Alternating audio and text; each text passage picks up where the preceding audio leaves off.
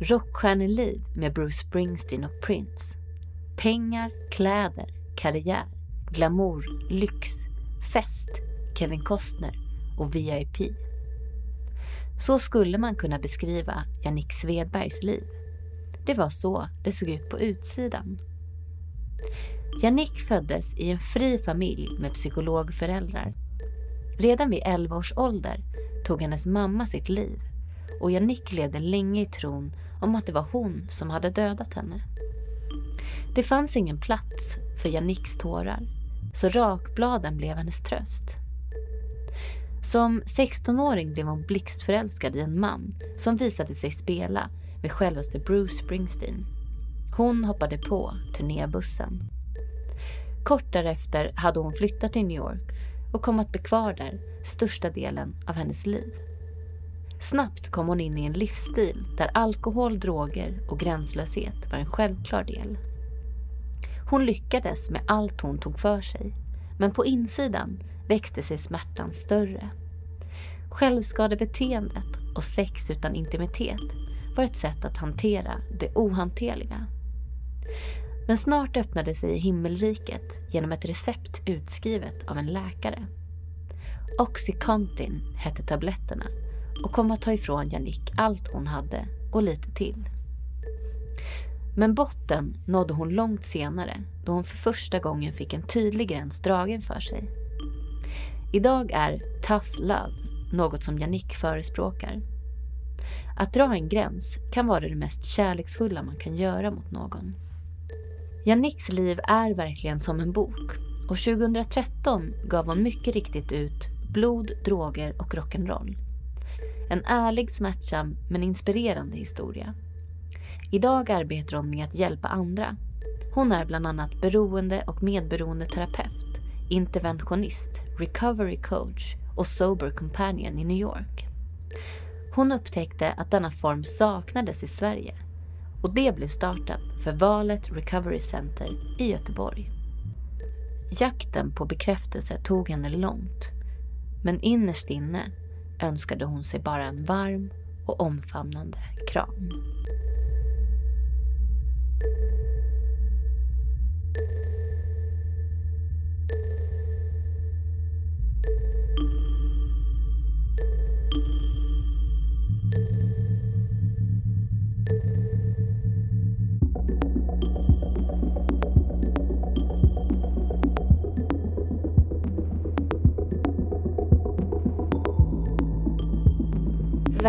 Välkommen till Medberoendepodden Jenny.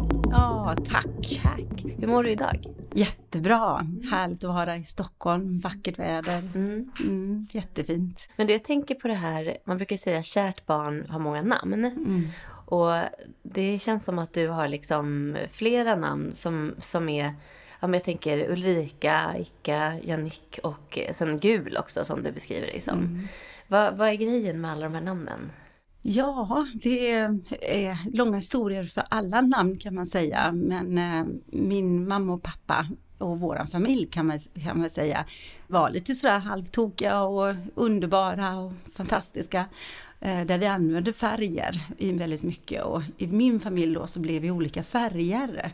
Eh, nästan som vi hade på oss om färgerna, vi var de färgerna och liksom sådär. och jag blev gul. Som hela mitt liv har liksom varit gult. Eh, mitt rum var gult, mina kläder var gula. Liksom sådär. Um, så jag har alltid varit gul. Och sen var jag född Ulrika, jag var född eh, Ulrika Elisabeth Bodotter Svedberg, så väldigt många namn. Eh, men jag kunde inte säga Ulrika, så jag sa Icka. Och så kom Icka. Och sen när jag flyttade till New York när jag var 16 så hette min dåvarande kille Sean och jag kallades för Icka. Så det blev Shanik. Mm. så att eh, så går det till. Eller ja, så jag har många, många namn, mm. olika namn. Mm. Men känner du att de representerar lite olika delar av dig också? Att de har på något sätt, alltså att det finns lite olika karaktärer i dem? Att du relaterar till olika eh, situationer i ditt liv eller olika mm, upplevelser eller sådär? Så är det. Mm. Så är det absolut. Att vissa delar av det, av namnen, tillhör olika delar av mitt liv. Eh, samtidigt som eh, alla mina namn känns som jag. Men när du presenterar dig själv, liksom, vad, är det, vad känner du att du vill bli kallad? Då blir det Janik eller Janik, ja. Mm. Mm. När jag är i Harlem så är det Janny Q. Mm. Fantastiskt. Ja, så det är lite så här disco nästan, Ja. Janny Q. Ja, verkligen. verkligen. Mm. Sen har du ju din hund med idag också som heter Blue. Ja. Varför den färgen? Också konstigt, men när jag köpte honom så eh, stod det på hans cert- certificate, när man får hunden, så stod det Blue Coded Chihuahua. Och då blev det ju Blue, så han hette ju Blue kan man säga innan jag fick honom. Och så är jag gul och så sa någon till mig, men det är ju svenska flaggan och det tänkte inte jag alls på, men det är det ju faktiskt. Ja, verkligen. Ja. verkligen. Jag tänker att vi börjar lite grann, du pratade lite om din barndom där. Vill du berätta lite om hur din uppväxt såg ut? Jag är ju född in i en familj då som mamma och pappa här, eh, var psykologer, socionomer. Ehm, och det här var ju på 70-talet. Eh, så att det var väldigt, de höll ju fortfarande på med typ gestaltterapi och konstterapi och sådär. Så det var lite nytt på marknaden om man säger så. Och allt blev ju testade på oss först, vi barn. Så vi dansade ut känslor och det var väl lite mm, ovanlig barndom. Men det tyckte ju inte jag. Alltså jag älskade min barndom. Spelade jättemycket teater, det fanns inga gränser i min familj utan man sov lite vad man ville och man åt lite vad man ville och, och sådär. Ehm, det var ju inte förrän jag började i skolan kan man nästan säga som jag förstod hur ovanlig barndom jag har haft. Och min, ma- min mamma, eh, nu efteråt vet jag ju att hon hade bipolär. Eh, fast jag tror inte hon visste om det då. Och jag vet inte riktigt om de hade ett namn på det då. Men hon tog livet av sig när jag var 11 år gammal och eh, just den dagen så hade jag av bara, jag vet inte varför jag hade gjort det, men jag hade gått in och hade, så hade jag pekat på hela min stora familj och sagt att jag älskade dem, men inte henne, henne hatade jag. Och det menade jag ju inte, alltså men 11-årig säger ju kanske sådana saker utan att tänka på det. Och eh, den kvällen tog hon livet av sig, så jag fick för mig att jag hade power of words, jag hade makten av orden. Och det blev ju väldigt stor sak för mig, plus att jag ville ju inte berätta för någon att jag hade tagit livet av min mamma. För då tänkte jag att då åker jag i fängelse och så, här, så jag levde ju med en skräck kan man säga, att jag hade en sån makt. Ehm, och i allt detta så började jag skära mig själv. Och det, det gjorde jag lite grann av misstag. Men när jag väl skar i mig och blodet började rinna och hur det kändes när svedan av att skära sig, sig själv. Så lättnade också det som gjorde så ont runt mamma. Och, för, och då förstod jag, eller jag trodde i alla fall att jag förstod att det var ju bättre att jag fick den ondskan om man säger så. Att det var bättre att göra ont i skinnet än att göra ont i hjärtat. Så från den dagen så skar jag mycket mig själv eller eh, ja, drog ut håret eller kastade mig in i en vägg eller sådär. Jag tyckte, mycket, jag tyckte väldigt mycket om skorpor i mitt eh, barndom. Liksom. Så jag såg till att jag alltid hade en blödande skorpa som jag gick och rev upp. Och, så det var, det, var, det var ett litet helvete som jag levde med själv som inte någon visste om tror jag. Och inte någon riktigt förstod eller såg. Um, och så dansade jag väldigt mycket, så mina känslor gick ut i dans och i att göra mig själv illa. Tyckt väldigt illa om mig själv, tyckt illa om min kropp och sådär. Och sen eh, i allt detta så blev jag väldigt, väldigt beroende av att människor skulle tycka om mig.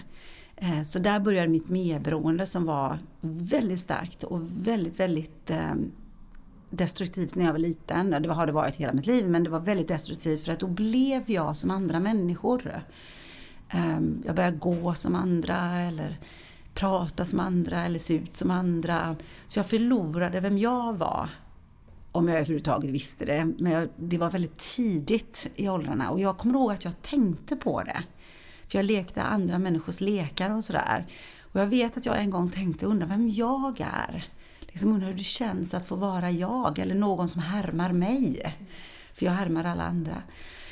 Så att det, det var en häftig barndom samtidigt som det var en väldigt ensam barndom med väldigt stor, knasig, ja, färgstark familj kan man nästan säga. Ja, verkligen. Ja. Så att, eh, ja. Jag tänker eh, på, på två saker. Dels det här med, med ditt självskadebeteende. Mm. När du har en pappa som är psykolog, fanns det ingen som började liksom ana oro eller, eller frågade dig eller, eller upp, alltså, uppmärksammade det på något sätt? Nej, inte alls. Det är ingen som visste om. Jag tror inte någon i hela familjen, kanske inte ens jag själv, visste om vad jag höll på med. Mm. Men eh, nej, så det visste de inte. Och jag tror inte pappa hade varken ork eller eh, vetskap nästan hur man ser och är tillsammans med en familj. Det är ju lite grann det här med en psykolog har skadade barn om man säger så. Man kan inte fixa sig själv eller fixa sin egen familj. Men hur hanterade din familj din mammas bortgång? Jag vet faktiskt inte riktigt. Vi splittrades rätt mycket då, känns det som. Jag har också en lillebror som är utvecklingsstörd, eh, eh, Down syndrom. Eh, och han, hade, han var bara två år när min mamma dog, så han fick väldigt mycket eh, attention. Och ehm, jag kommer bara ihåg de åren efter mamma dog, att det var liksom han som stod i nummer ett för mig. Sen vet jag inte, jag menar, mina syskon har ju läst min bok och de känner inte alls igen sig. Så det är som att de, jag har haft en annan familj ungefär. Så att jag tror att vi upplevde det väldigt annorlunda allihopa. Vi, vi var väldigt, um, vi blev och var väldigt självständiga. Mm. Eh, jag flyttade hemifrån när jag var 15, kanske till och med tidigare. Um, började jobba väldigt tidigt även om jag gick på Balettakademin och min bror drog, min storebror drog väldigt fort hemifrån. Jag tror också han var 15 när han flyttade. Mm. Och min lilla syster och lilla, äh, stora syster också liksom gjorde det väldigt snabbt. Så att det blev, ja, vi splittrades. Du har ju du skriver i din bok så, så fint en situation där vid begravningen att, att din pappa grät så dina tårar fick liksom inte plats. Ja. Det tycker jag var så fint på något sätt och just det här hur att anpassa sig till, mm. till situationer och till andra människor och så. Mm. Det blev jag väldigt berörd av. Mm. Men när du var 16 så tog ditt liv verkligen en helt annan vändning och mm. du drog till New York och började leva rockstjärneliv. Hur gick det till? Ja, gud jösses. Jag har lärt mig, jag har lärt mig någonting från mina föräldrar och det är att alltid säga ja. Nej kan du säga sen. liksom. Och eh, som sagt, jag var väldigt självständig. Jag hade flyttat hemifrån och börjat jobba. Jag gick på Balettakademin och så jobbade jag på teater och dansade och sådär. Um, och en kväll så var jag ute och där står det en den snyggaste människan jag någonsin har sett i hela mitt liv, i alla fall då när jag var 16 år. Hans mörkhyad eh, rockstjärna som jag tänkte att han måste vara från Stockholm. och, ehm, och jag blev liksom sådär bara pang förtjust med en gång. Plus att jag såg liksom att ah, här, har mitt, här är min biljett till Stockholm ungefär. Och eh, i slow motion så mm. kramades vi om sådär och så säger han på amerikanska Hej honey, you wanna come on tour with me? Liksom, ska du åka på turné med mig? Och då var han eh, med i Bruce Springsteen-gänget. Det här var väl 1984 tror jag. Eh, och eftersom jag har lärt mig att säga ja så sa jag ja. Så vi stack på, eller jag rättare sagt, stack på turné med honom då i en vecka. och förstod ju att den här killen Bruce då var ju jättestor, det hade inte jag fattat. Mm. Så att eh, eh, det var ju en vecka som jag var så här, åh gud vad häftigt och var med liksom en sån här superkänd eh, ja, rockgrupp på turné. Men då fanns ju inte telefonen som vi har det nu, liksom, vi hade inte cellphones och sådär. Men han kom efter turnén sen så kom han till Göteborg och flyttade in hos mig i min lägenhet och jag dansade ut mitt kontrakt eh, och dansade klart på Balettakademin och sen frågade han mig liksom, You wanna come to New York? Och eftersom jag inte säger nej så sa jag ja. och så kom jag till New York och sen har jag inte åkt därifrån. Sen har jag bott där i 32 år eller nu. Det kanske är 33 nu när jag sagt det så länge. 32 år känns det så. Det är 33 mm. nu. Mm. Ja. För det är lite speciellt, alltså att, att, bara, som du sa, bara dra iväg. Mm. Liksom. Vad tror du att det är, jag tänker överhuvudtaget ditt liv, vad tror du att det är som har gjort att liksom, du har åkt med på de här grejerna? För jag upplever även, alltså det är inte bara den här situationen, utan i ditt liv så känns det som att det har kommit saker till dig och att du liksom, känns som att du har någon slags utstrålning eller någonting. Har du någon tanke kring varför du liksom har, har varit med om de här sakerna? Ja, jag har nog inte tänkt Svår på det fråga. på det sättet. Nej, bra fråga tycker jag. jag. Jag tror jag ser det på två sätt. Ett sätt är att jag är väldigt nyfiken och har alltid varit nyfiken. Jag är inte rädd för människor, jag är inte rädd för att säga ja och sådär. Men sen tror jag också att jag har ett sånt otroligt behov att bli älskad. Medberoende. Eh, så att när någon ger mig attention så blir jag så liksom, då vill jag. Så hade jag inte haft det så tror jag att jag kanske även där med den här Sean då, den här rockstjärnan, hade tänkt att nej men det kan jag ju inte. Och, jag menar, vet sådär. Men eftersom han gav mig uppmärksamhet så är det ju, jag går dit kärleken är, så ungefär. Så att eh, det finns väl säkert medberoende som är bra också. Men eh, ja, jag tror, om jag verkligen tar en titt på det och ser alla saker som har hänt mig, så är det ju för att jag vill bli älskad. Och just då har fått uh, attention. Mm. I din bok, nu, sa, nu svarar du lite grann på det, för jag tänker att det känns som att du har någon slags eh, driv som på något sätt aldrig tar slut. Mm. Är motorn då, tror du, just det här att du liksom att du behöver bekräftelse, att du har, en, har, har haft ett driv för att, för att bli älskad liksom? Mm. Ja. Eller har drivet kommit någon annanstans? Ja, drivet har nog kommit till att jag är så fruktansvärt nyfiken. Mm. Ja, det tror jag. Plus att jag är väldigt nyfiken på nytt hela tiden. Jag står inte still utan eh, lär mig saker hela tiden och utbildar mig hela tiden. Det står verkligen inte still. Och det tror jag, det har jag haft sedan jag var pytteliten. Mm. Liksom. Jag hade aldrig någon sån här det här ska jag göra för resten av mitt liv utan det här gör jag för ett tag och så gör jag någonting annat sen. Mm. Så att um, ordet liksom Svenssonliv, det har aldrig riktigt stämt in på mig. Ett sånt liv eller ha barn och sådär. Någonting som tie you down, förstår du vad jag menar? Mm. Att håller mig på plats. Det, det, funkar inte riktigt på mig och det har det aldrig gjort. Så jag tror att även nu, nu när jag är lite äldre och man, man kan tänka att, att du inte lugnar ner dig lite nu, liksom, att du inte är trött så ungefär.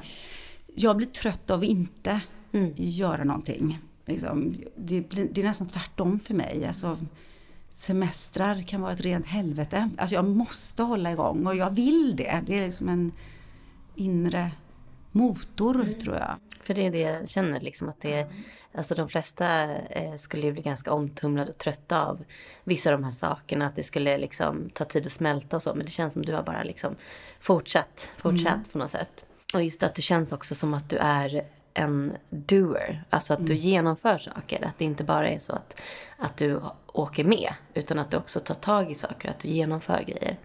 Och eh, när man läser din bok så känns det som att du har hunnit med väldigt många olika alltså yrken, citationstecken. Vad, om du skulle liksom sätta ihop ett CV idag, vad finns med på ditt CV? Oh my god. Ja, det där är jätteintressant. um, Ja, alltså dansade till att börja med. Och, uh, hmm, ska vi se. Så efter Sverige och dans och koreograf så blev det ju uh, sångerska och dansare i Kid Creole and the Coconuts som en väldigt känd grupp på 80-talet.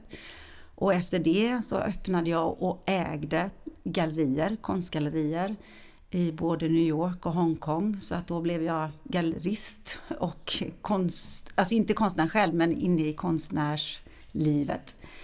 Och sen öppnade jag min egen klädesaffär och det var ju um, couture-kläder, så one of a kind, som hette Chanique Boutique och var på Wooster Street i New York. Och sen efter det så blev jag fastighetsmäklare i New York som var ett av jättefint arbete jag tyckte väldigt mycket om. Jag blev väldigt, väldigt duktig på det, tjänade väldigt mycket pengar på det. Bland annat. Ehm, och efter det, nu ska vi se här nu, eh, då, då blev jag nykter efter det. Så då blev jag nykter och sen Just det, sen och liksom gjorde jag hals över vad det nu heter. Alltså kastade mig in i nykterhetsbranschen och blev eh, certifierad beroendeterapeut och, och sex och kärleksterapeut med, och medberoende. Och sen intervention, som interventions som det heter. Och recovery coach certified och sober companion. Det här är så mycket mm. ord just nu mm. men väldigt, väldigt utbildad inom just det här då. Eh, och öppnade, har mitt eget team i New York och nu då i Sverige och utbildar över hela internationellt nu då. Um, ska vi se, och så har jag författare, skrivit en bok. Um, Ja, ja, det kanske är allt. Ja. Tror jag. Och det är ju, jag tänker många, bara när man hör det här och även ditt liv då. Um, i, I boken så skriver du också mycket om ja, det är väldigt, väldigt många kända namn som är med mm. och eh, på något sätt så känns det som att hela ditt liv har, har varit sånt där liv som många kanske ja, men verkligen blir häpna av att höra, höra talas om. Och det har ändå varit ditt liv. För jag tänker att, att leva liksom i den här sfären med alla de här kända människorna.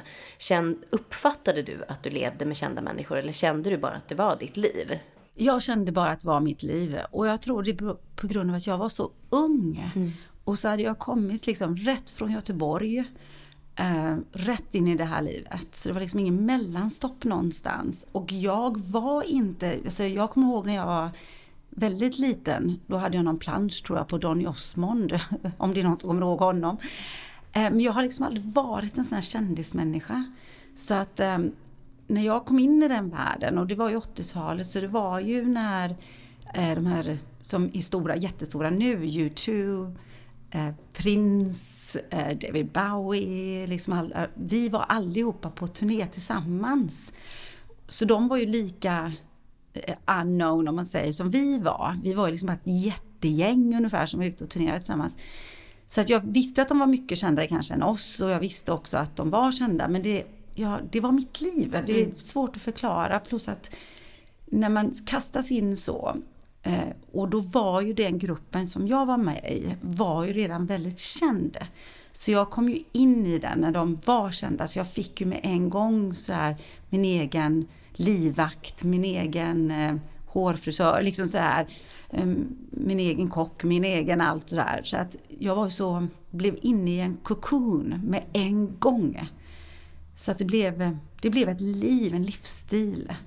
Eh, jag ska se om det var någon gång någon som jag kände så här, wow. Mm, jag tror inte det. Nej, det, var, det är nog ingen kändis där som jag har känt, ja du vet, förnypa mig själv i armen för att jag står bredvid. Ditt liv är ju, alltså vi pra, du pratar lite om det också med de här namnen och så, men ditt liv är ju verkligen som att det skulle kunna gå och berättas om det här jetset-livet mm. och, och med som sagt ditt CV som är jättelångt och, eh, och innehåller så många olika saker. Och eh, alla de här kända människorna som du umgåtts med och det har funnits pengar, det har funnits liksom, men som du sa, livvakt etc. Men sen finns det liksom som en annan berättelse. Det känns som att det skulle kunna gå att berätta ditt liv antingen ur det här jetset-perspektivet men också din liksom, inre destruktiva resa. Mm. Eh, hur skulle du beskriva den resan, det, den delen av ditt liv. När, du pratar, när vi satt här och pratade om alla de här kändisarna så såg jag framför mig en, en tjej som är tokig och glad och liksom sprallig och liksom lite sådär blond och ja, sådär. Men alltså det, jag mådde ju väldigt dåligt. Jag var ju inte, vad ska man säga, jag var ju halv. Jag var ju verkligen tom in, inne i jag hade ju jätteproblem med att jag skar mig. Jag blödde ju på scen många gånger och sådär. Mm, alltså livet som jag levde var ju väldigt mycket gråt, ensamhet, um, hatade mig själv något så fruktansvärt, hatade min kropp något så fruktansvärt. Um, jag har alltid haft svårt med när folk ska ta i mig eller krama mig och sådär, närhet.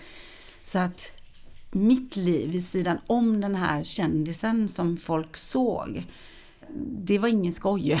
Liksom, det var inte skoj att vara med i det där. Samtidigt som jag vill inte ta bort de åren, för det var väldigt viktiga år för mig. Och det var väldigt viktigt att kunna ha den processen i mitt liv med de åren. Men det, för mig var det, var det väldigt, väldigt, det var tio år av ett liv på turné där man ser jättebra ut ungefär och inombords går det sönder. Och egentligen skulle bara behöva en stor kram. Liksom. Man behöver en mamma och en pappa. Um, så var en, en vilsen liten tjej kan man säga. Som aldrig riktigt fick lov att um, ja, grow up.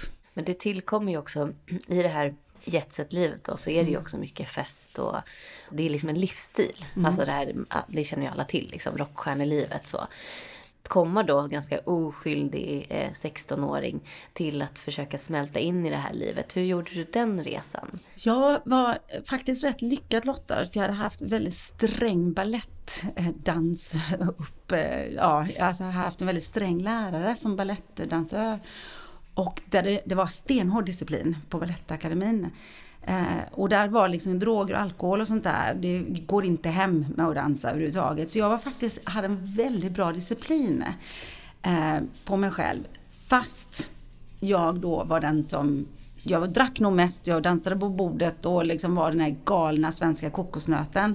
Så hade jag i alla fall, jag låg aldrig liksom med någon, jag blev inte den här som gick, eh, alltså slampan på turné ungefär. Så det här var det inte utan jag skötte mig på ett sätt. Och mitt beroende, för jag blev otroligt beroende senare, det, gick, det blev jag inte förrän jag slutade turnera. Så turnélivet kan man säga, det var vilt och crazy och det var droger och det var det ena och det andra. Men det var inte där jag gick ner mig. Utan där hade jag lite grann, lite av en disciplin av, om man nu kan ha det på en turnébuss. Men eh, det var ju ändå crazy och det var ju mycket som hände och ja, sådär. Men, men det var efter tror jag, där det, det jobbiga började. Och ja, för boken heter ju också Blod, droger och rock'n'roll. Mm. Som jag tänker väldigt många har ju någon slags primärdrog mm. eh, som, man, som man drar sig till. Var det, kände du på något sätt att när du upptäckte alkoholen att det var någon slags aha-upplevelse? Eller var skulle du säga att det verkligen klickade till hos dig? Det klickade till när jag tog mina första tabletter, eh, Oxycontin. Då då klickade det. Det var det bästa jag varit med om hela mitt liv. Och det var efter Kid Crown Coconuts, när jag lugnade ner mig kan man säga. Um, där var min kärlek. Men min första primärdrog, det är ju skadebeteendet. Uh, så det kan man väl säga är det som är svårast för mig eh, var svårast att lägga ner om man säger så. För det är en så, det bara händer när jag får känslor. Och sen medberoende tror jag var också det svåraste att lägga ner. Mm eller för att bli stark i mig igen. Men det klickade. Jag visste att nu är det kört. Det var när jag tog mina första tabletter. Då bestämde jag mig för liksom, nu det här ska jag leva på resten av mitt liv. För det var det bästa som hänt mig, känner jag. Hur kommer det sig att du provade det från, från första början? Sådär? Det var en läkare. Det var en läkare som gav det till mig. Jag gick igenom en supersvår period i mitt liv just då och, och var faktiskt inne i en emotionell blackout. Ehm, och vaknade kan man säga i ett kontor med en psykiatriker framför mig som gav mig massor med tabletter.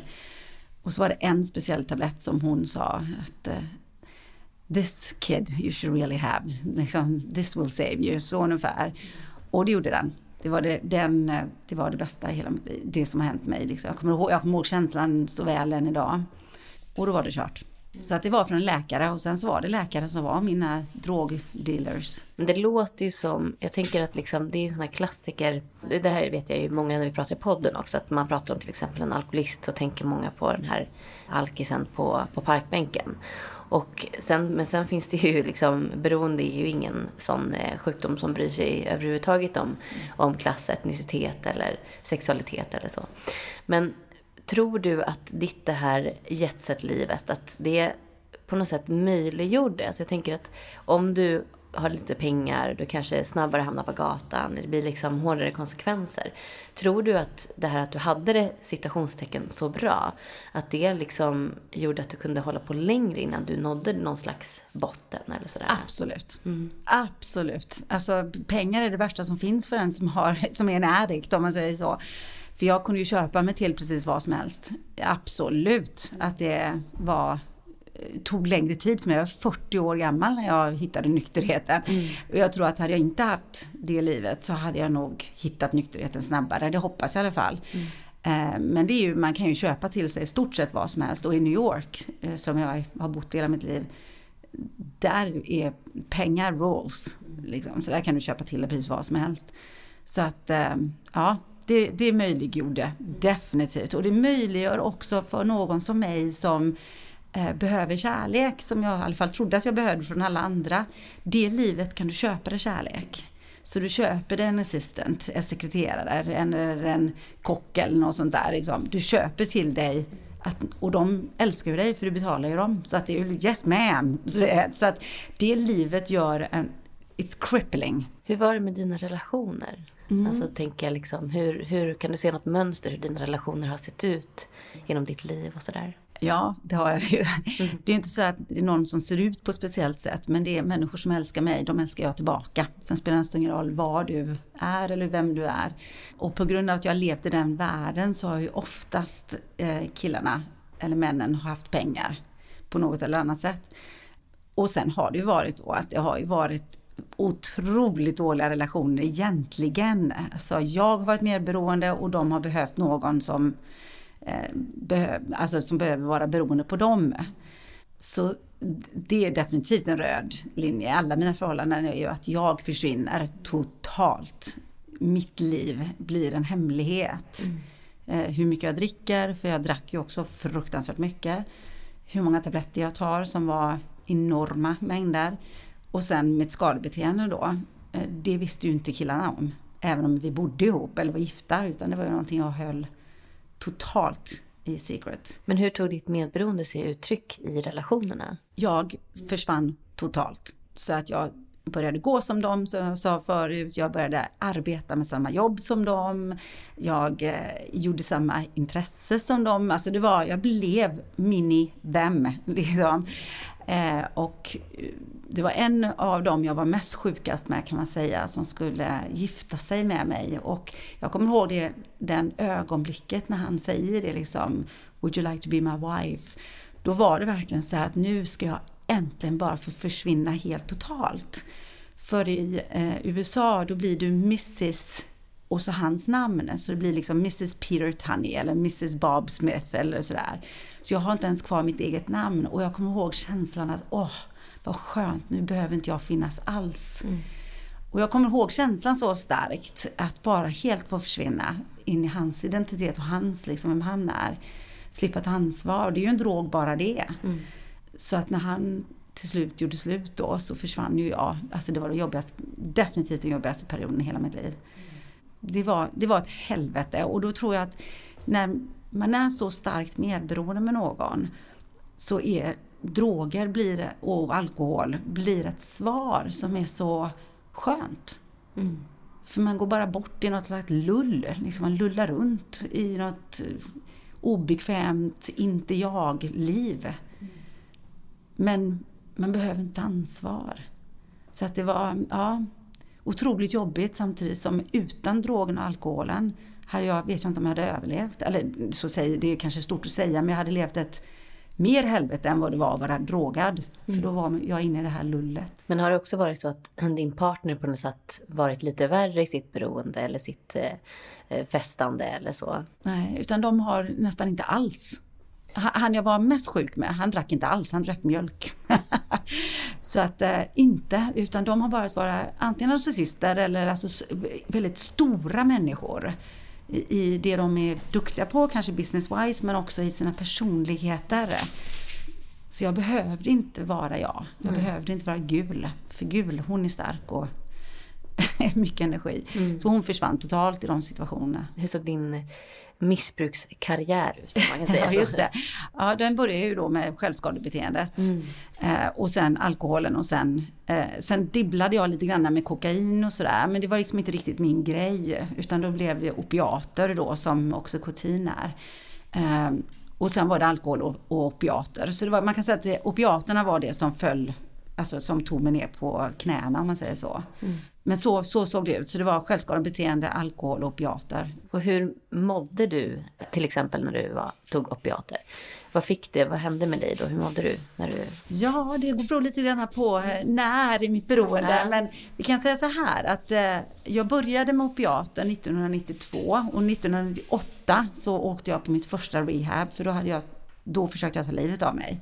Så från 92 till 98 kan man säga mådde jag väldigt bra på dem. Och då menar inte jag att jag mådde bra, liksom att man är lycklig och går omkring och sjunger, utan man är totalt nollställd.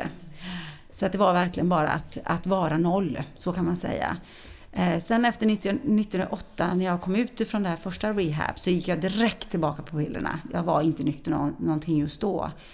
Och då började helvetet. För då var det från 1998 till 2007 så var det för att överleva.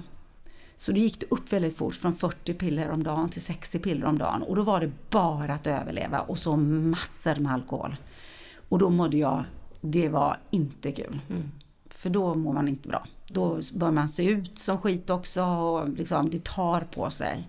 Och alla pengar gick ju åt så att jag var ju totalt broke i slutet. Hur, på vilket sätt använde du? Var det liksom i din ensamhet eller var det när det var andra människor? Mm. Eh, vad fick du för konsekvenser och sådär? Mm. Så i början eh, så fick jag, när det var bra så kunde jag ta det och så då kunde jag liksom bli bättre än mig och jag kunde äga världen. Så då kunde jag gå liksom på sån här shopping spree liksom och shoppa för ja, 50 000 dollar bara liksom så i en Gucci-affär och bara vara hög på det i 20 minuter eller något sånt där. Men då var det liksom så crazy life. Då var jag ute jättemycket och jag var bland annat tillsammans med Kevin Costner ett tag och liksom sådär. Så jag var väldigt sådär, I'm bigger than life åt det hållet och bara dyra viner och det var bara liksom, jag trodde att jag var någonting. Eh, satte mig på alla listor, på alla klubbar och gick före alla... Alltså det var så löjligt och barnsligt men jag tänkte, kände liksom att jag behövde vara något, jag behövde vara bättre än alla andra och jag kände mig verkligen så då. Men när det gick åt skogen, då var det ensam. Eh, då började jag skära mig jättemycket igen. Eh, då drack jag ensam Jag, då ehm, stal jag tabletter. Jag gick in på ambulans, eh, ER, eh, akuten heter det här på Sverige, i Sverige, och stal tabletter så att jag blev liksom kriminell. Jag eh, drack och jag, ja fy fasken alltså. Jag, på grund av opiater så har man väldigt svårt att gå på toaletten. Så jag åt väldigt mycket laxatives, laxeringsmedel. Mm. Så att eh, det här är ju hemskt alltså. Men jag kunde till exempel gå ner Fifth Avenue och liksom ha diarré i byxorna för att jag inte kunde hålla det inne. Alltså det var, eh, fast jag hade på mig snygga kläder så liksom luktade jag som en homeless. Jag så, såg ut som en homeless. Jag bajsade och kissade på mig mitt på dagarna. Som sagt kunde gå in på en ER och stjäla tabletter. Jag äh, ja, massor med olagliga saker som man och kan åka fast för. Men det, liksom, det var verkligen att hela livet började bli olagligt och det gick, det var totalt kaos. Och drack fruktansvärt mycket under de perioderna. Eh, för att man, ja, man blir ju ännu högre. Och stal mycket från många och sådär. Men då är jag ensam, alla mina vänner försvann och, och sådär. Och under den perioden så hade jag gift mig och det kommer jag inte ens ihåg att jag hade gjort. Mm. Uh, och vaknade liksom upp med en kille i lägenheten i stort sett och sa Vem är du? Jag är din man. Lite sådär. Och det var väl han som sa att nu orkar inte jag längre utan nu får du faktiskt åka iväg på rehab i stort sett. Eller han sa att jag antingen divorce you eller så åker du på rehab. Och det var sista liksom etappen. Men då, då man skulle inte riktigt känna igen mig. Jag har ett kort från den tiden och jag ser ut som jag är ungefär 80 år gammal. Så rynkig och blod i ansiktet och ja, det är hemskt. Där är ju en sån här snäv bild, att, på tal om det här som vi pratade om då, att, att skillnaden mellan att ha liksom ett på ut, utsidan lyxigt liv eh, gentemot att vara den här uppenbara som är på gatan. Men på något sätt att de här konsekvenserna ändå blir eh, likadana oavsett. Alltså det som du säger är din upplevelse och hur det på något sätt eskalerar och tar över ditt liv. Liksom. Mm. I, I boken så, så så beskriver du ganska många gånger hur du har omgett dig med människor som har haft en uppenbart tuff barndom. Men att du liksom hela tiden haft den här känslan av att du har inte haft det. Liksom. Har det också varit någon slags motor till att du har kunnat liksom, eh, ursäkta dig att du inte har ett beroende, att det inte är likadant för dig? Eller hur, hur har du haft det med det? Och, och, nu när jag är nykter och jobbar med det här så kan jag ju se det väldigt mycket i andra också. Vi får ju tänka på att barn ser ju inte sin barndom som någonting konstigt för det är ju ett vardagligt liv för vilken dag som, barn som helst. Och jag tycker jag har väl tyckt i, nästan hela mitt liv att mamma får väl ta sitt liv om hon känner för det. Det är väl hennes liv liksom sådär. Och det här knasiga, jag brukar kalla det Pippi Långstrumps-livet jag hade med Utan gränser och sådär det var ju faktiskt rätt häftigt. Liksom, sådär. Men, och, och, så, och så träffar jag då människor som har, liksom, de har blivit våldtagna, de har kanske flytt ett land, de har... Jag kan liksom inte ens jämföra vad jag har. Alltså, för jag menar, jag, det är ju ingenting mot, mot vad de har. Men då har jag också då, eftersom jag jobbar väldigt mycket med familjer nu, förstått att jag kan inte jämföra, jag kan inte hålla på sådär utan det jag upplevde om min barndom, den är väldigt annorlunda och den, den gjorde jätteont. Eh, och grejen är att jag fick aldrig utlopp för de känslorna. Jag fick aldrig ta reda på de känslorna, eller rättare sagt ta hand om. Och jag behöver göra det nu när jag är nykter. Jag behöver liksom få lov att bli ledsen och få lov att bli arg på mamma till exempel. Eller arg på min pappa kan jag få bli. och ehm, det var någon som sa till mig att vad, vad, kommer du säga till din mamma när du träffar henne igen? Och det enda jag kunde svara är att jag kommer nog bara slå på henne. Liksom bara slå henne. Och du vet, hur kan du lämna fem barn? Mm. Fem små barn som liksom behöver dig. Alla behöver sin mamma. Mm. Eh, samtidigt som jag också tror på att det finns någon slags kraft. Liksom, att jag behövde det här livet för att kunna ge tillbaka nu till andra. Mm. Eh, så jag känner att när, allas barndomar, om man tycker det är jobbigt eller inte, det måste bli accepterat. Man ska, man ska inte jämföra. Vad tror du om din, om du hade varit patient till din pappa idag, vad tror du han hade dragit för eh, analys över ditt liv? Liksom vad problemet egentligen var eller sådär? Jaha du. ja, jag sa alltid att jag ska aldrig bli en psykolog eller bli en terapeut. Jag ska aldrig bli som pappa och mamma. Och nu sitter jag här. ja, hade min pappa varit min terapeut så hade han väl dansat ut mina känslor, inte vet jag. Nej, jag... Men tror du att han hade liksom haft någon slags svar på varför du, ditt liv blev som det blev eller sådär? Ja, han, det hade han säkert. Han hade nog sagt att, att eh, det ligger i att, man, att jag aldrig fick ut mina känslor, att jag, jag hade inga verktyg. Att eh, som en 11-årig tro att man tar livet av sin mamma, det, mm. liksom, det är ju ingen som lyssnar på det. Så det tror jag verkligen han hade sagt att där eh, behöver du nog liksom, förstå och förlåta dig själv. Att det var faktiskt inte du som tog livet av din mamma. Jag tänker att, för du, nu pratar du lite grann om den här situationen med din då man som du hade. Mm. Att han eh, ställde ett ultimatum till dig. Eh, var, det, var det liksom din vändpunkt? Mm. Eller när och hur såg det ut när du kapitulerade och, och, blev nykter på riktigt så att säga? Det var faktiskt min vändpunkt. Och det, nu ser jag alltså vilken kärlek han gav mig att säga eh, liksom, det här är en konsekvens och jag tänker inte ge efter men jag älskar dig i alla fall. Wow! Wow! Vad jag vill att alla föräldrar ska göra så eller alla runt omkring ska göra så. Det är ju för, faktiskt första gången egentligen som någon gav mig riktig kärlek. Och som verkligen såg mig. Jag höll på att gå sönder. Och han sa That's it.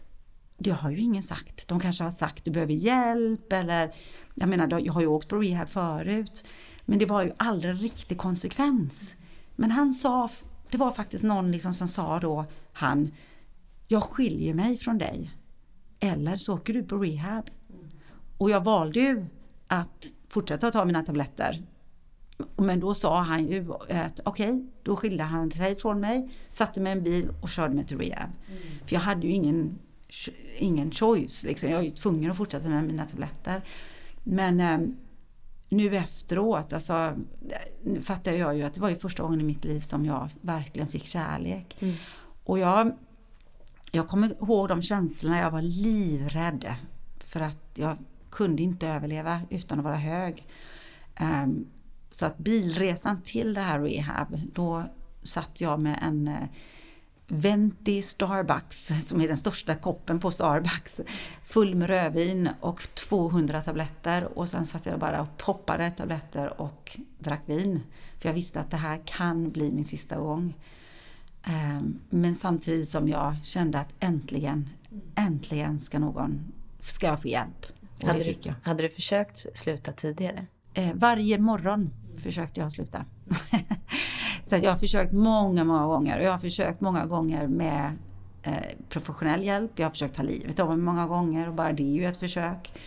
Um, och sen var jag ju på rehab en gång innan. Um, det, längsta jag hade nykter under alla dessa år var 90 dagar. Sen i dag nummer 91 så startade jag allt igen. Så jag kan säga så här att jag tror aldrig riktigt jag var nykter utan jag alltid höll på. Min hjärna fick aldrig riktigt en break, en riktig, riktig break.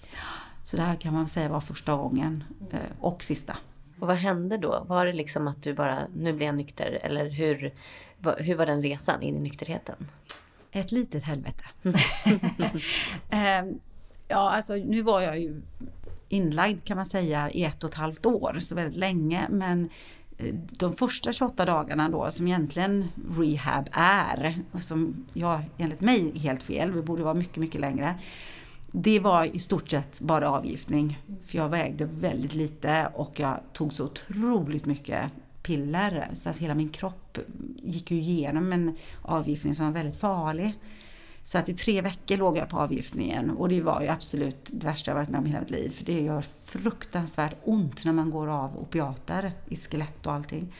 Men där fick jag väldigt bra professionell hjälp. Jag hade väldigt bra doktor. För att jag kommer in och är liksom bigger than life, du vet, och säger att ja, nu ska du få höra min historia. Liksom. Jag har varit kokosnöt, jag har ätit gallerier och la la la och jag bara flädad av allt jag har varit med om och vilka killar jag har dejtat och det ena och andra. Och han sitter tyst och tittar på mig. Och jag berättar att jag ska ha min egen suite och jag ska ha mina egna mat och jag ska ha min egen städerska. Sådär. Och så säger han till mig Wow, säger han, vilket fantastiskt liv du har levt. Uh, and how did that work out for you? och det har ju inte gått så bra när jag sitter där liksom. Så säger han det att ja, jag sitter ju här och får betalt och du sitter ju faktiskt här och är, behöver vård. Så alla dessa pengar och dessa livet du har levt liksom, det, det fick dig hit. Så det var ju inte, du har ju inte gjort så mycket bra i ditt liv egentligen. Och det, det, det gjorde ont men det var väldigt skönt att höra. Då var det ungefär som min bubbla försvann och jag fattade att jag är precis som vem som helst. Alltså, who cares? Om, om det här livet liksom som jag har levt. Jag sitter här och är en addict som alla andra och en alkoholist som alla andra. Mm. Så det var väldigt skönt. Du skriver också i boken att terapi liksom aldrig riktigt har fungerat för dig. Vad var det som fungerade? Det som fungerade det var alla runt omkring kan man säga. Den här fantastiska energin som är i nykterhet. Att leva ett liv där fast, faktiskt man får lov att känna, man får lov att tänka, man får lov att vara nykter utan någon som helst droger i kroppen med andra människor. Så jag tror att i rehab så var det väldigt skönt för där var jag safe. Där fanns liksom ingen som kunde rucka på det. Och sen efter rehab eh, så var det den här, eh, ja jag går ju på tolvstegsprogram så för mig var det tolvstegsprogrammen Eh, att gå in i ett rum där liksom det sitter ett gäng människor som är så jäkla snygga som man håller på att dö. För alla sitter där och ler och liksom är nyktra och dricker kaffe och skrattar och man bara Wow, de här kan ju inte ha varit alkisar, så ungefär, de är ju så himla fina. Och det, det är de, de har haft historier precis som jag. Så att jag tror att det håller mig nykter och att jag kan stå för saker jag säger, jag kan be om förlåtelse ifall jag gör fel. Eh, jag får lov att vara människa, jag får lov att vara som alla andra.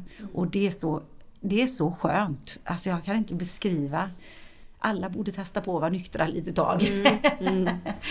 Men sen känns det också som något som man pratar mycket om i ett hållstidsprogram också, är ju den här liksom andliga biten. Mm. Eh, och för mig, jag är ju för mitt medberoende så har jag gått eh, massor av år i terapi. Och det var jättebra för jag lärde mig mycket av mig själv. Men för mig var det liksom, det saknades någonting. Det hjälpte inte mig utan jag fastnade snarare i liksom offer rollen, att jag förstod mina problem och hur hemskt jag hade haft det och sådär. Men att det hände någonting för mig när jag kom till en ett tolvstegsgrupp för medberoende. För att dels så fanns det verktyg, men det fanns också en slags en andlighet som jag behövde, en, en tillit till någonting. Har det också varit en viktig del för dig? Den andligheten? Jätte, jätteviktig del för mig. Och jag tror att det är, när jag, när mamma dog så blev jag väldigt arg på om det fanns någon högre kraft överhuvudtaget. Så när jag var ute och turnerade med Kid Creole and Coconut så läste jag så mycket teologi jag bara kunde på turnébussen. Liksom, för att intelligent kunna beskriva att Gud inte finns. Ja, och det var många, många år där jag försökte lära in varenda teologiska ja, bit på denna värld kan man säga. När jag väl kom då till tolvstegsprogrammet och det står Gud, mm. eller på engelska då God, eh, så gick jag faktiskt därifrån och liksom bad dem dra åt pipan. Jag tänker inte vara med i någon kult så ungefär. Och då sa en, eh, en old-timer som vi säger i USA, han sa kan du inte bara se det som good orderly direction? Mm. Så att bra orderly direction, ja, det man skulle säga på svenska. Och då tänkte jag, men det stämmer ju. Att vara, vara bra, liksom, att vara snäll, att ha en orderly direction i mm. livet. Mm. Så jag tänkte, ja men det lånar jag. Good orderly direction, tänkte jag, ja men det, det lånar jag. Och sen så hade jag en väldigt bra terapeut. För att eh, då pratade vi just om det här med tolvstegsprogrammet och varför det står Gud och lite sådär. Och jag berättar ju då väldigt intelligent om hur absolut inte den här guden finns och hur eh, religion förstör mänskligheten och det ena och andra. Och då säger hon till mig, eh, säger hon till mig How does it feel to be so angry at something that doesn't exist? Mm, mm mums! Mm. hur känns det att vara så arg på någonting som inte finns. Och det är ju skithäftigt för det här har jag liksom sprungit omkring och, och slösat väldigt mycket energi kan man tänka på, på att vara arg. Mm. Och eh, då tänkte jag att, ja men okej, men energin arghet är ju faktiskt en väldigt skön energi och den är väldigt bra. Eh, den kan ju vara väldigt destruktiv också, men det är en styrka i att vara arg. Mm. Så om jag har lagt all den här styrkan på någonting så måste det ju finnas. Och då klamp det ner, kan man säga, en gudinna i mitt liv som är norska. och eh, jag fick en sån här, verkligen sån aha-upplevelse när hon kom in i mitt liv. Och hon var väldigt arg och hon eh, hade fått nog av mig och mitt ego. Och på norska i stort sett så sa han att nu är det nog. Mm. Nu, eh, nu tänker jag vara din gudinna och så ställer du dig upp då.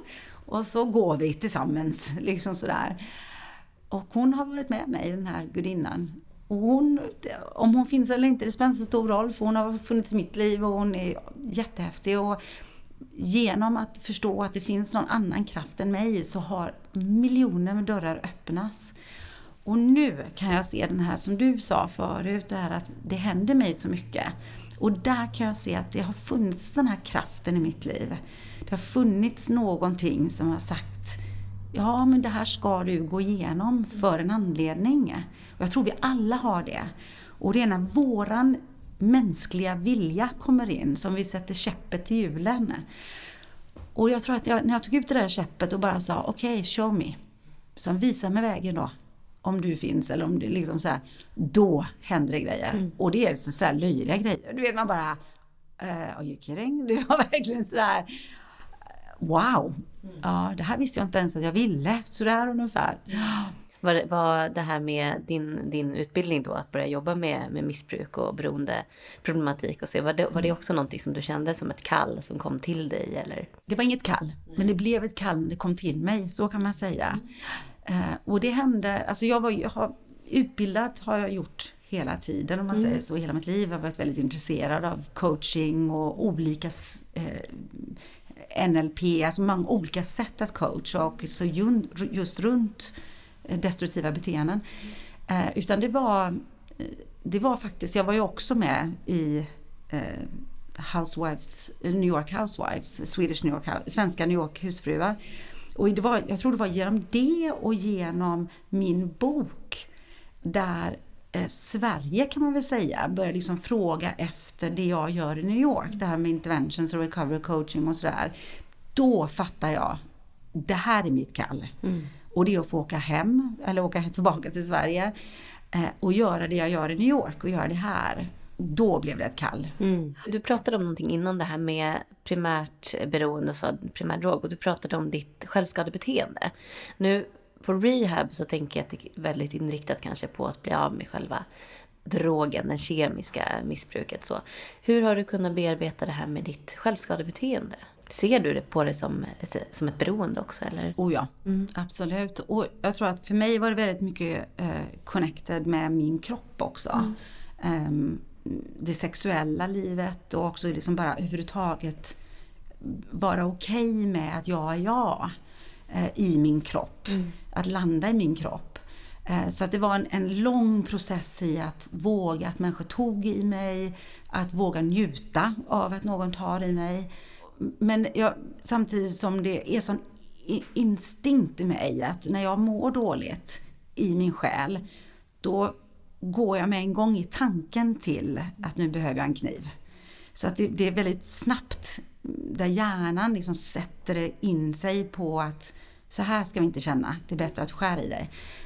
Eh, så att det, det är mer ett aktivt nu val. Att första tanken agerar jag inte på utan det är andra eller tredje tanken som jag agerar på. Och så tror jag är det med alla destruktiva beteenden. Att mm. man chill out. Liksom, att första tanken behöver du verkligen inte agera på för den blir så instinkt. Mm. Um, så det har nästan varit den svåraste att bryta kan man säga. Och sen, uh, de tog inte hand om det på det rehab jag var. Men de kom på mig liksom, så att jag snodde, eller jag langade in om man säger så, ett rakblad som jag tejpade fast under min säng på rehab. Och det hittade de och tog bort. De frågade mig aldrig riktigt vad jag skulle göra med det, men bara att bli påkommen blev en sån chock kan man säga. Så att då förstod jag att jag måste även ta hand om det här nu. Mm. Det driver då i Göteborg, Valet Recovery Center. Mm. Det är ju så när man går in på er hemsida och så, så är det ju liksom, det är inte bara kemiskt eh, beroende så som ni inriktar på, utan det finns ju många olika beroenden men också medberoende. Mm. Ser du det liksom på att, att det är på något sätt att allting hänger ihop, att det är liksom samma mekanismer eller hur kommer det sig att ni jobbar med alla de här bitarna? Precis. Det är precis så, att allting här hänger verkligen ihop. Och ett beroende är, att det, det är ett beroende och sen finns det massor med olika utlopp. Mm. Uh, och det behöver inte börja att man har haft trauma i sin familj. Det kan bara börja med att man får en godispåse varje lördag. Då liksom, här får du socker varje lördag. Och man blir hög av det. Det kan börja med uh, att man bara är fel gäng. Liksom. Så det behöver inte börja att man har en trasslig barndom. Men det kan börja med också ett beteendemönster i familjen. Att till exempel ett väldigt eh, beteendemönster som man kanske inte pratar om så mycket är just det här runt flyktingar. Eller i New York jobbar vi jättemycket med, med människor som är judar. Mm. Som inte pratar om andra världskriget till exempel. Utan de bär med sig eh, det här som har hänt, men pratar inte om det. Och då är det ungefär som liksom en cancer i familjen som bara sprids mm. eh, med ett system där vi inte pratar med varandra. Eller tvärtom, mm. man pratar jättemycket, man till och med slåss liksom. Mm. Eller sexuellt eh, också med, med eh, internet eller eh, och, det finns inga gränser hemma eller sådär. När man får hjälp för destruktiva beteenden, vad det än är, och det behöver inte ha gått över till ett beroende, utan det kan vara ett skadligt bruk, men börjar se att familjen mår dåligt, sök hjälp med en gång. Mm. Och det jag försöker göra här i Sverige, det är att ta bort stigman runt det här. Och det är att få vård och få hjälp, ingenting negativt, utan det är faktiskt det häftigaste man kan göra. Och det coolaste man kan göra. Mm. Vi står gärna och spänner oss för liksom, musklerna i våra kroppar och kolla in den här eller eh, vad heter det här på magen, eh, sixpack, ja. Nej, ja, något mm. sånt där heter det. Ja. Det står vi gärna och spänner oss på och visar upp och sådär. Men sen har vi en fantastisk muskel, hjärnan. Mm. Den går vi liksom inte och tränar. Utan det är nästan lite skamligt att gå till en psykolog till exempel, eller en terapeut, eller söka för beroende, eller bara destruktivt beteende, skadligt bruk. Där skulle jag vilja att vi liksom så ah, jag har varit psykolog eller jag tar hand om vår, vår familjehistoria eller jag tar hand om att jag äter för mycket socker eller lite för mycket porr eller vad det nu än är. Där är det jag verkligen liksom kämpar för kan man säga, fast på ett positivt sätt.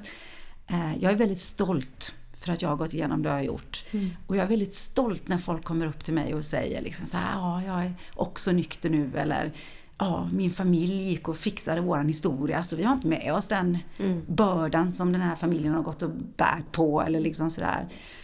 Eh, och jag tror det är otroligt viktigt att vi ser det som det är faktiskt vårt ansvar att börja ta hand om och bli lyckliga. Alltså inte vara så här att, att vara nykter eller vara, vad ska man säga, ha ett bra liv i familjen.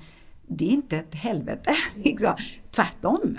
Tvärtom. Mm. Att gå på party och inte dricka eller sådär, det är bland det häftigaste som finns. Man kommer ihåg det, man eh, kan gå därifrån om man vill, man kan gå hem med den man vill. som vaknar i sin egen säng och man vet var bilen står och lite sådana här saker. Och, och då tänker jag inte bara på alkohol men, men allt liksom. Att mm. man får lov att ha kärlek i familjen igen. Mm. Man får lov att ha en bra kropp och en bra knopp. Så mm. kan man säga. Men sen i, i slutet av din bok mm. så, så skriver du om, om just ditt medberoende. Som har nämnts lite på vägen sådär. Eh, och det är många som anser att medberoende är någonting man utvecklar till exempel om man lever i relation med en, en missbrukare till exempel. Eh, men du skriver att du har varit medberoende i princip till hela ditt liv, till allt och alla. Mm. Alltså vänner, relationer, jobb, alltså så. Men hur tror du att det här medberoendet uppkom? Du har pratat om din uppväxt då. Men eh, vad tror du liksom har varit kärnan till att du utvecklade det här medberoendet? Anpassa mig i en familj och ett liv som är destruktiv. Mm. Det är ett medberoende. Så att eh, man behöver inte vara medberoende till någon som är har ett problem. Mm. Utan du, att du anpassar dig, du överlever i en miljö som är destruktiv. Och det gör vi alla, för det är ett mänskligt eh, och, och djur också. Alltså man måste anpassa sig till hörden om man säger så. Till, och om, när man börjar anpassa sig då så att det blir ett sjukligt beteende, man försvinner själv in i ett beteende som inte är bra. Mm. Då har man ett medberoende. Mm. Man är inte född med det. Utan man, det, är en, det är någonting man anpassar, det kan också vara socialt. Alltså man blir en gäng, men man blir inte sig själv. Så man går in i ett gäng eller ett socialt sammanhang som man mår fruktansvärt dåligt i. Man kanske inte ens ser det. Utan det kan ta flera år innan man ser att vad, vad sysslar jag med? Mm. Och ta sig ur det och hitta sig själv. Men det är ett medberoende. Så för mig var det jag ser nu är ju ett medberoende när mamma dog och där jag inte kunde liksom hitta min plats i familjen längre. Mm. Och jag var tvungen att överleva givetvis, att jag blev det jag trodde att andra människor ville att jag skulle vara. Och i det försvann jag. Och det blev otroligt destruktivt för mig. Sen har ju som sagt var mina syskon levt i samma familj och de har ju inte eh, känner det som jag. Så att det är ju är otroligt individuellt det här. Det är inte alla över en kam liksom. Utan, men jag tror att vi ska gå bort ifrån det här att man är bara medberoende till människor som har ett beroende. Det stämmer inte. Utan man, är, man kan bli medberoende även till destruktiva beteendemönster i en familj, socialt. Eh, ja, för att kunna överleva helt enkelt. Och det är ju, nu för tiden finns det också många som, som har den här teorin att det kanske Eh, i många beroenden att ganska vanligt att medberoendet ligger i, till grund för, för ett beroende. Att det liksom, man utagerar på det här eh, medberoendet mm. på något sätt. Jag hade mm, Karina Bong eh, här, eller jag har haft med henne två gånger och vi har kontakt och hon sa Ja men du måste, om du ska ha med Jannik, då måste du fråga henne om tough love. Mm. Vad har du att säga om tough love? Åh, oh, tough love är det bästa som finns för det är verkligen kärlek. Um, Får jag berätta en historia som mm. verkligen är tough love och som är så vacker. Mm. Så jag får ett telefonsamtal från San Francisco, jag bor i New York och det är en pappa som ringer mig och säger att vi, nu orkar inte vi längre. Eh, sonen är jätteberoende i massa olika beroenden. Så jag åker ut med mitt team, det är jag och en annan som åker ut och vi sätter oss med familjen och då har vi bjudit in hela familjen, inkluderat honom. Vi säger att han heter Bob, bara för eh, enkelhetens skull. Så Bob inte ens, han kommer inte och han vet om att vi ska sitta ner och typ göra en mini-intervention men jag kallar aldrig det intervention utan jag kallar det för familjeträff då. Men han kommer inte så att vi sitter och pratar och de berättar historien om Bob och hur det har varit och han har varit inne på massor med rehabs, han är 18 år gammal så han är ändå vuxen om man säger så. Han har snott massa hemifrån, han har sålt TVn. Han så här. När jag kommer in i den här familjen så ser jag mamma, pappa och två stycken syskon, systrar och då Bob som inte är där glödlampor har liksom inte blivit bytt på hur länge som helst. Och så. Och det är en upper class familj. Det är liksom inte rent och så. Här. Så jag ser att liksom familjen har, de tar hand om sig själva överhuvudtaget längre. Utan all fokusering är på att få honom nykter. Jag frågar systrarna, berätta hur ni mår. Och nej men nu ska vi prata om Bob. Nej, låt oss inte prata om Bob. Jag vill prata om er. Hur mår ni? Och systrarna berättar då att eh, en av dem är en hästtjej. Hon har inte ridit på hur länge som helst för det är ingen som har tid att skjutsa henne fram och tillbaka till hästladugården. Eh, och den andra systern, hon, jag tror hon spelade musik, väldigt mycket piano så här, samma sak där. Måste sluta med det för det är ingen som har tid. Mamma och pappa har inte gått på en dejt på hur länge som helst. Jag vet inte ens om de har liksom kramat varandra på sista tiden. Och ser vansinnigt trötta ut. Så jag säger till dem, nu gör vi så här. Vi glömmer beroendesjukdomen Bob just nu. Och så pratar vi bara om Bob. Berätta om den killen. Och då berättar de ju, de skrattar och, och han var så bra på ishockey och då var det ena och det andra och de berättar om när de har varit på någon sån semester och liksom så och det kom, kom liv i familjen igen, man såg kärlek. Och så sa jag så här, okej okay, då gör vi så här. Jag vill att ni byter alla lås på, på det här huset. Han får inte lov att komma in längre. Och det är det absolut värsta du kan säga till en familj. Eh, men vad vi, vad vi stänger ute just nu, det är sjukdomen. För vi har, de har verkligen försökt allt. Ja. Men vad jag vill att vi gör är att vi startar ett grupp-e-mail med hans e-mail också. För jag vet ju att han har fått mitt för han har, han har skrivit tillbaka och sagt att jag kommer inte, du kan dra åt helvete ungefär. För han vet ju vad jag gör där i stort sett. Vi börjar ett grupp-e-mail där vi alla berättar om vad vi gör den veckan. Ni berättar om hästarna som ni nu ska gå liksom. För vi, berätt, vi bestämmer att den här familjen ska få lov att må bra igen. De ska städa, de ska byta glödlampor. Mamma och pappa ska gå på dejt, de ska till och med åka eh, lång weekend liksom, iväg och få kramas och det ena och andra. Och systrarna båda två ska liksom tillbaka till sina liv igen och sådär. De ska till och med ut och shoppa med mamman för lite nya kläder och lite sådär och långsamt få hitta lyckan i familjen. Det där, det där fina de hade en gång. Men på alla mejl de skickar ut så ska det också stå Bob, vi älskar dig och vi vill att du kommer tillbaka igen. Men du behöver vara nykter. Och alla e-mail ska säga det. Och sen kan du också säga att ishockeyutrustningen står här och längtar efter dig. Och du vet så här, så han kommer på alltså minnen i familjen eh, som de kan lägga i. Men ingenting negativt till honom och ingenting anklagande. Utan bara det hela tiden. Alla var överens. Jag åker hem till New York allt går bra, jag stöttar dem. Liksom så här. Det händer inte speciellt mycket. Någon gång då i början eh, så kom Bob och knackade på dörren och var helt vansinnig att låset var bytt och lite sånt. Men de stod på sig.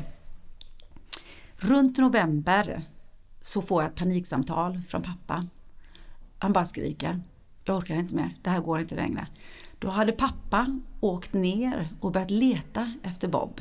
Och jag hade bett honom inte göra det här, utan bara trust the process, liksom lita på att kärleken, det är tough love. Och då hade han sett sin son i de skumma kvarteren i San Francisco sälja sin egen kropp för att få ihop till knark i stort sett. Och du vet, se sin son prostituera sig själv. Det, jag vet inte om någon kan, kan klara det. Men jag säger till pappan att nej, du måste åka därifrån. Du måste åka därifrån. Du får inte plocka upp Bob liksom. Utan bara liksom ge, skicka ett e-mail med samma liksom, jag älskar dig Bob, du är jättevälkommen hem. Liksom, du vet så här, men bara om du är nykter. Liksom så här. Jag sätter mig på Red Eye tillbaka till San Francisco, fångar upp familjen igen och får dem på fötterna igen och verkligen ber i stort sett om att det här ska gå bra. Nio månader senare så får jag ett e-mail från pappan där han säger, um, han var helt så här Bobby tillbaka, Bobby tillbaka och de hade tagit en sån här selfie på, på sin familj där jag ser Bob för första gången. Lite rund, liksom så här, ätit upp sig, du vet lite tjock sådär. Och hela familjen är som en stor bara energi lightbulb liksom. Då hade Bob äntligen kommit hem. Han hade inte gått in, men han hade ställt sig utanför det på julafton. Så han hade ställt sig utanför och tänkt liksom att de släpper nog in mig, det är ju i alla fall julafton. Men innan han hade knackat så hade han tittat in i fönstret. Och då hade liksom, det hade varit fint där inne och julgranen var där och han såg sin familj vara lyckliga utan honom. Och det hade ju brustit. Han hade ju liksom känt, men jag vill tillbaka till min familj, jag älskar min familj. Och han hade ju alla de här e-mail, hur lyckliga de var. Så han hade gått och checkat in sig själv på ett rehab. Han hade sagt till själv då att han hade nio månader clean and sober, så han visste att han skulle orka liksom att vara clean. Och sen hade han knackat på pappan, eh, på dörren då och så hade de öppnat och så hade han sagt Dad, Mom, I'm back. Och det var liksom That's tough love. Och han skrev sen faktiskt en bok den här sonen, så här My Dad eller något sånt där, och som var jättefin där han förklarar sin resa och hur det, han behövde kärlek. Han behövde någon som sa Vi ser dig och vi finns här och vi älskar dig. Bara den där nyktra Bob, den här våran Bob liksom. That's tough love. Man måste hitta tillbaka till sig själv och till kärleken i familjen. Annars kan man inte hjälpa någon annan. Så det är det Karina menar med tough love. Jättefin historia. Ja, visst är det. Men jag tänker om, om eh, någon nu vill söka sig till er, vad är det, vad är det för hjälp som man kan få? Nu har du ju i princip nämnt lite grann här, men vad, vad får jag för hjälp om jag söker mig till er?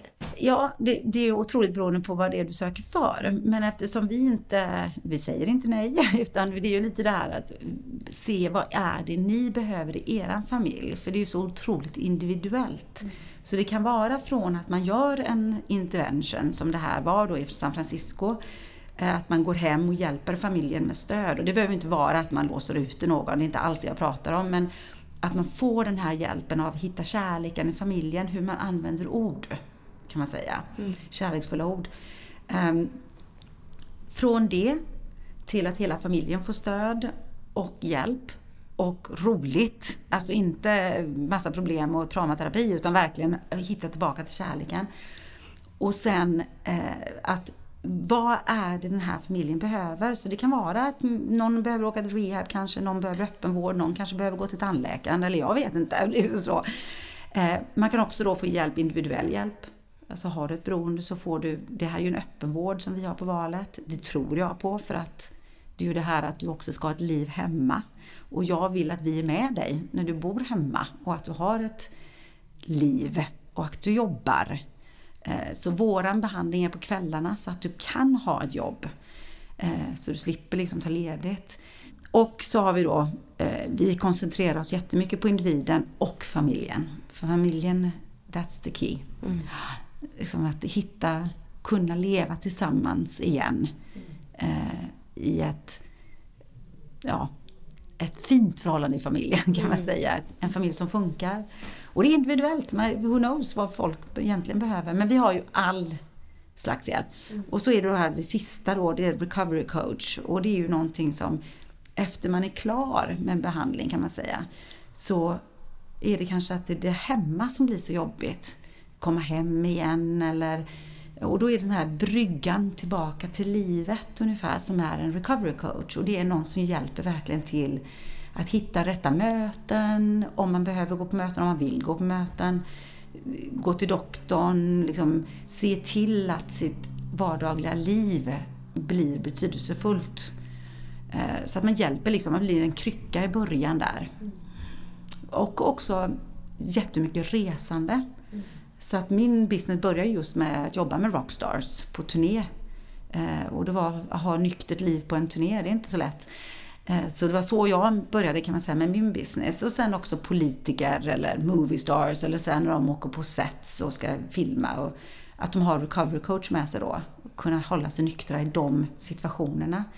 Men det kan också vara att följa med någon på midsommarafton eller följa med någon på ja, business-tripp till Thailand eller Las Vegas eller Skåne. Du vet, det kan vara skitjobbigt bara att sätta sig i ett flygplan om man har alkoholproblem. Du avslutar din bok med meningen att alla människor kommer dö. Men alla människor lever inte. Mm.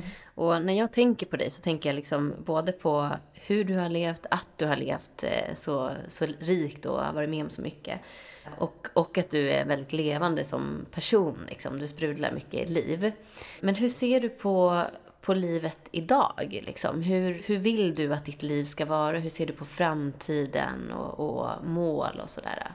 Eh, det kan låta så kliché, men mina gallerier de hette The time is always now.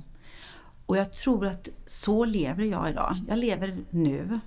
Eh, det är bra att ha en hund för då lever man verkligen i nuet. De är ju väldigt i nu. Innan jag blev nykter, då levde inte jag. Även om jag hade ett väldigt häftigt liv så levde inte jag. Jag var död i 40 år i stort sett kan man tänka, eller zombie. Mm. Nu lever jag. Nu lever jag. Jag är, som jag sa förut, otroligt nyfiken. Så jag är också väldigt nyfiken på andra människor.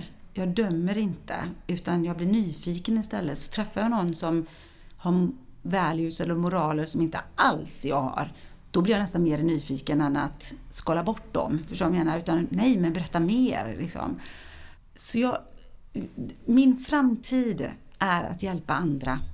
Sen hur det ser ut, det får min gudinna bestämma. Mm. Men jag vill i hela min själ och hjärta att hjälpa andra. Jag vill och brinner för att resa. Arbeta internationellt, det är verkligen, tycker jag, jättekul. Att utbilda, det tycker jag är jättekul. Så för mig tror jag det är att varje dag så säger jag till mig själv, åh vad det ska bli spännande mm. att få ha den här dagen. Liksom, att få, även om det går åt helvete, så vad spännande att få vara med om det. När jag mår skitdåligt så är det liksom spännande att få må så här dåligt. Mm. Utan att använda, mm. utan att skära i mig. Det låter ju som att du har vänt. Jag tänker att eh, alltså allt det här du beskriver om jakten på, på piller och sådär, liksom att det verkar vara en enorm drivkraft. Men det känns som att du kanske hittar tillbaka till den här drivkraften som, som kommer inifrån liksom, med, med lust och, och som du säger nyfikenhet och sådär. Mm. Det är fantastiskt att höra. Alltså du har fortfarande samma driv men det finns en annan, en annan motor. Mm. En sista sådär avrundande grej. Jag tänker att du har ju som sagt, på tal om livet eh, och allt du har liksom gått igenom och sådär. Eh, och så tänker du på, på lilla Icka då, ska vi kanske kalla det, eller gul eller vad du vill. Om du idag, med den kunskapen om det du har varit med om nu, har du någonting som du skulle vilja säga till barnet, Janik, liksom med Icka? Vad skulle jag säga till lilla mig? det första som kom upp, det var du är inte ful. Mm. Är nog det första, och det menar jag inte bara utseendemässigt, men inombords. Liksom, du är inte eh, utanför. Jättefint. Ja. Jag tror att vi låter det bli sista ordet och vi lägger givetvis upp både länk till, till din bok och eh, dina verksamheter och hur man kan komma i kontakt med er och, och sådär på, på hemsidan. Stort, stort tack för att du var med i Medberoendepodden Jannik. Mm, tack själv jätte, jättemycket. tack. tack. Janiks liv är verkligen en historia värd att följa. I boken Blod, droger och rock'n'roll kan du läsa mer. På vår hemsida finner du länkar till Janik och hennes verksamhet Valet Recovery Center. Och på hemsidan kan du också läsa mer om medberoende och beroende samt var du kan vända dig. www.medberoendepodden.se är adressen. Nyligen firade vi 50 avsnitt och därför erbjuder jag just nu 50% rabatt på min föreläsningar för bokningar gjorda innan sommaren. På hemsidan under fliken föreläsning kan du läsa mer om det. I sociala medier heter vi Medberoendepodden. Följ oss där.